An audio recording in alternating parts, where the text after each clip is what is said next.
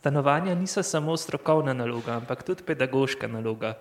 Kakšne so perspektive stanovanske arhitekture v akademskih vodah in kakšne so praktične naloge arhitekturnih pisarn? Mislim, da naj ne bi šlo za tako dve različni polji. Ne bi bilo prav, da bi šlo za različni polji. Dejstvo pa je, da marsikaj, kar na fakulteti razvijamo kot neke nove pristope, nove razmišljanja, marsikdaj dejansko ne najdejo poti v realizacijo preko eh, recimo temu projektantskih birojev. Um, seveda na fakulteti poskušamo pogledati na problematiko, ki se tiče stanovanja iz različnih zornih kotov, ki si jih verjetno tudi kot izobraževalni in hkrati raziskovalni inštitucije lahko privošmo, uh, medtem ko je v projektantskih birojih običajno uh, Eh, dejansko razmišljanje o stanovanjih vezano na praktično izvedbo. In je pri tem, ker je vezano dejansko na finance, na roke, na, skratka, na cel kup nekih pogojev, verjetno dosti bolj omejujoče kot to, kar delamo na fakulteti. Dejansko pa na fakulteti poskušamo razumeti problematiko, zakaj je taka, kakršna je, kaj so vzroki in poskušamo iskati rešitve na morda tudi nekonvencionalne načine. Zdaj, kako pa direktno aplicirati neke te rešitve v stroko, bi pa jaz rekla, eh, da je pa zelo odvisno od neke širše politike, ki se tiče stanovanj, od neke širše volje, ki bi podprla dejansko neke rešitve, ki nastanejo na fakulteti, potem direktno v praksi. Zakaj pa je pomembno, da se učimo tudi o stanovanjskih stavbah, o zgodovini, o razvoju, o tehnologiji? Kakšno popotnico poskušaš predati svojim študentom pri tem predmetu? Uh, predvsem bi še preden razmišljam o teh konkretnih problemih, ki si jih omenjal, uh, poskušam ozavestiti stanovanjsko problematiko kot problematiko, ki se ne veže samo, ne tiče samo arhitekture da je v bistvu stanovansko področje zelo široko področje, da je stanovanska in da je predpogoj, da se neke dobre rešitve dejansko prevedejo v prakso, da je ta predpogoj dobra stanovanska politika, ki prvič razume problematiko in poskuša skozi različne, ne samo arhitekturne stroke, poiskati uh, rešitve potem, da se potem stvari dejansko spremenijo. Torej, res študentom poskušam razložiti, da uh, predpogoj dobre stanovanjske arhitekture je neka dobra stanovanjska politika, ki dejansko podpre um, to, kar arhitektura kot projektantska praksa zmore. Zakaj se še ni zgodil prehod v postfunkcionalistična stanovanja? Kako izgleda prilagodljivo in kakovostno stanovanje prihodnosti? Um, zdaj to postfunkcionalistično razume, da ne bo tukaj nesporazumem. Jaz sem to vprašanje razumela kot uh, stanovanje, ki je vezano, svojo prostorsko uh, zasnovo vezano na posamezne funkcije prostorov. Verjetno je to mišljeno to. Ne? Uh, skratka, govorimo o prilagodljivem stanovanju, stanovanju, ki naj bi se bilo zmožno prilagajati bodi si demografskim spremembam, bodi si recimo temu klimatskim spremembam, bodi si spremembam na področju dela, um, ki mislim, da so dejansko vse bolj pereče, ampak dejstvo pa je, da so bili te, te problemi enako ali pa podobno pereči že sto let nazaj. Ne?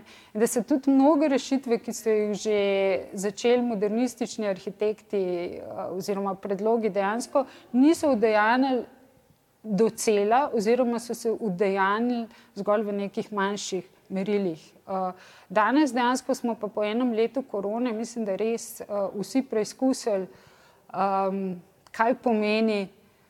Prilagodljivo stanovanje, ker so se dejansko naše stanovanja na nadoma spremenila v hkrati prostore dela, preživljanje prostega časa in recimo temu druženje z družino oziroma člani gospodinstva, ki v njem prebivajo. Tako da težko bi napovedala, kdaj v prihodnosti uh, se bo dejansko stanovanski prostor uspel prilagajati vsem tem spremembam. Um, Ampak mislim, da bo treba dejansko v tem začeti še vedno bolj razmišljati ravno na podlagi takih izkušenj, ki jih imamo zdaj uh, v enem letu. Ne.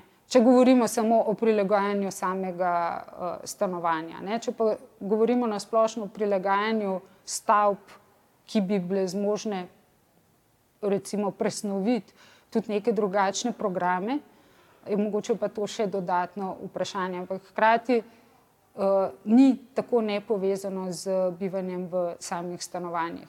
Skratka, razmišljati v prihodnosti o prostorih, tako stavbah kot samih stanovanjih, ki se bodo zmožno odzivati na vse te spremembe, ki pa zgleda, uh, se dogajajo precej hitreje, kot jim arhitektura dejansko uspe uh, slediti. Ja, ta znati stanovati tudi ni samo umevno. Kako je pa na te recimo vplivalo odraščanje v Murglah, sosedski, ki je alternativa drugim stanovanskim sosedskam? Um, mogoče jaz sem imela možnost, priložnost odraščati v Šišenski sosedski šest do osmega ali devetega leta starosti, potem pa v Murglah. Se pravi, izkusila sem dve sosedski, eno visoko, gosto, drugo nizko, malo manj gosto. Uh, in bi rekla, da vsaka od teh dveh sosedsk mi je pravzaprav pustila neke um, izkušnje, in nekje sem videla neke prednosti, nekje pa recimo slabosti. Ne? Če se tako, mislim, zdaj spomini, seveda, so zelo prilagojeni ne, temu, kar razmišljamo o preteklosti, ampak uh, recimo ena velika prednost v Šišenski sosedski šest je bila ravno ta um, masovnost in v bistvu ko ne rečem, ko sem bila otrok, ne, smo dejansko um, uživali v zelo številčni družbi in zelo pestrih zunanjih prostorih, ki jih je Šišenska sosedska šest ponujala. In dejansko ta sosedska je bila načrtovana tako, da je ponudila vsem prebivalcem razno raznih teh blokovskih formacij, tako tenijskih blokov, kot sama sem živela v visokih blokih, nam je ponujala dejansko ogromno zunanjega prostora, ki smo jih otroci zelo spridom izkoriščali. Ne. In potem neka izkušnja v Murglah ne, je popolnoma neka druga izkušnja. Um, In če je tudi primeren Šišensko sosedsko šest, ne, naprimer Šišenska sosedska ima neke družbene programe, imela zelo koncentrirane, se pravi, bila neko mesto v malem. Medtem, ko sem se preselila v Murgle, je nenadoma, pa lahko rečem temu, da je to postala neka večja vas. Ne. Brez v tistem času dejansko ni bilo še zgrajenih nobenih družbenih programov, Imeli smo zgolj eno trgovino, ne, to pač neka rak rana vseh sosedsk, ki so se gradile, da se v končni fazi nikoli niso realizirali družbeni programi, ampak dejansko Murgle so res bolj funkcionirali kot neko tako mest, paviljonska vas v večjem mestu. Ne. Gotov je ponujala ogromno in še vedno ponuja ogromno njegov odprtega prostora, ki pa ni več tako bil definiran kot naprimer v Šišenski sosedski šest. Uh, jaz mislim, da je kvaliteta bivanja v tej lastni hiši z vrtom gotovo tukaj zelo dobro realizirana, ampak um, bi pa rekla, da mogoče v primerjavi z bivanjem v eni večji sosedski um, pravzaprav ponujale vse manj neke pestrosti v, v smislu odvijanja življenja. Pa gotovo, obo, obe sosedski sta me na nek način uh, zaznamovali in uh, murgle kot take, ko pa vidim zdaj, ki se, sosedska, ki se stara, mogoče še bolj izrazito, uh, v smislu prenov, bolj izrazito kot um, večje sosedske, uh, je pa v bistvu morda bi rekla, za starejše ljudi, morda nekoliko slabša kvaliteta bivanja, zato ker dejansko ljud, starejši ljudje mogoče potrebujejo več socializacije te, in jih dejansko te uh, ograjene hiše za vrtovi precej osamijo. In druga stvar, res, ki je bil problem že, ko sem odraščala, pomankanje nekih družbenih vsebin, družbenih stičišč. In to je pa še bolj očitno, mislim, da zdaj, ker dejansko trgovina je daleč, um, vem, lekarna je daleč, zdravniki so daleč. Skratka, vse je za nekega starš, starejšega prebivalca sosedske precej problematično. Pred stotimi leti smo že bili priča idejam o raznovrstnih skupnih prostorih, kot so bile recimo skupne kopalnice, skupne kuhinje, restauracije, pralnice, menze uh, ali pa celo terase za sončenje na strehi. Kakšni so danes te skupnosti prostori in ali so sploh v porastu? Um, ja, seveda, sto let nazaj poznamo vem, švedske vzore, poznamo francoske vzore. Ogromno nekih idej, ki so seveda povezane z idejo skupnostno naravnanega bivanja, um, ampak so se vedno realizirale v zelo mehkem merilu. To moramo vedeti. Ne?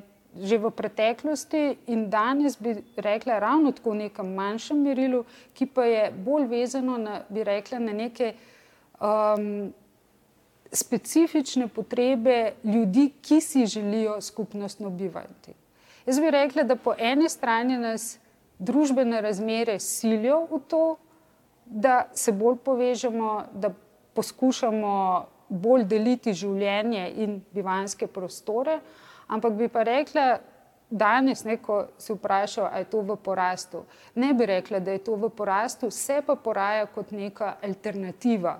Uh, individualiziranemu načinu bivanja, ki nas je v bistvu v zadnjih rekla, desetletjih se nam je dogajalo. Ne. Mislim pa, da danes, glede na to, da posameznik težko pride do, do stanovanja, da verjetno do stanovanja morda lahko lažje prideš v neki skupini uh, in da hkrati je to povezan z um, ljudmi, ki si želijo na skupnosten način bivati, da v tem smislu lahko govorimo o povečanju povečanju uh, nekega interesa. Ne moramo pa govoriti, da je to množično. Ali pa recimo, da je to množično, mogoče v nekaterih določenih državah, nekaj poznamo, recimo vem, v Švici zadružna gradnja, na Dunaju zadružna gradnja, oziroma kohausingi v Berlinu, kakorkoli, mislim, te različne oblike poznamo. Ampak bi rekla, da gre prej za ne tako množično, kot neko specifično, uh, specifične načine bivanja, ki je vprašanje, če imajo potencial, da bodo postali množični. Lahko pa, ker glede na te družbene spremembe, ekonomske spremembe, lahko to v bitočnosti dejansko pričakujemo.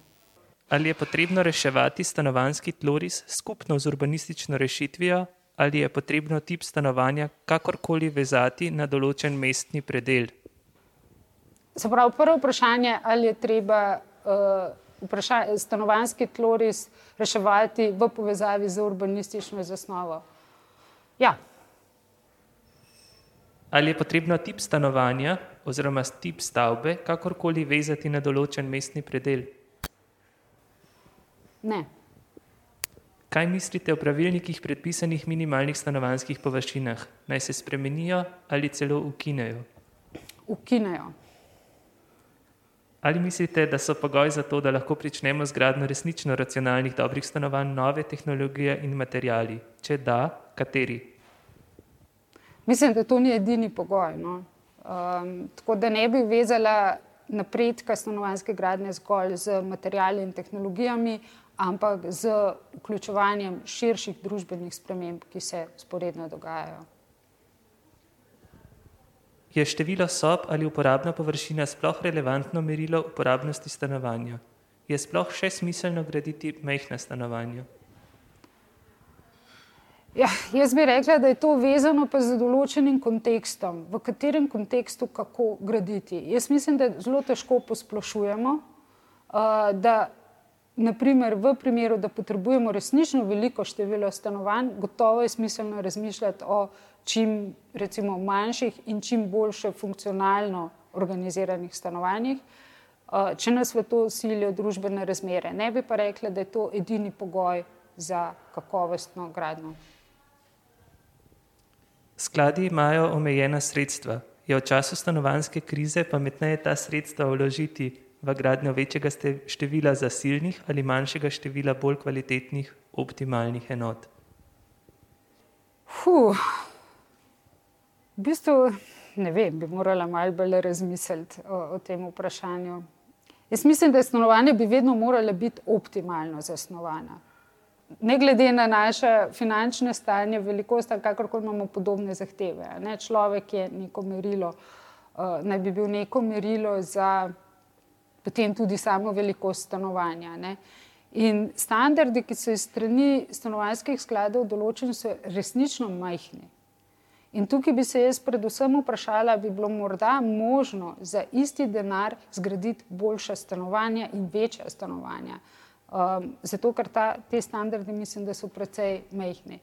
Da, ne vem, mislim, zelo dobrega odgovora na, mislim, zakaj bi se tukaj v tem primeru odločila, ali za optimalna, pa manj stanovanj, ob vedenju, da toliko in toliko ljudi bo ostalo brez stanovanj, oziroma zdaj za manjša stanovanja, ki so pa lahko tudi slabša, pa sicer rešimo mogoče večji, uh, mislim, večjim ljudem rešimo stanovanjski problem. Uh, sama bi se prej zauzemala za optimalna zasnovana stanovanja, pa magar uložene več raziskave, več premisleka v njihovo zasnovo. Bi morali po pandemiji drugače načrtovati stanovanje? Ja.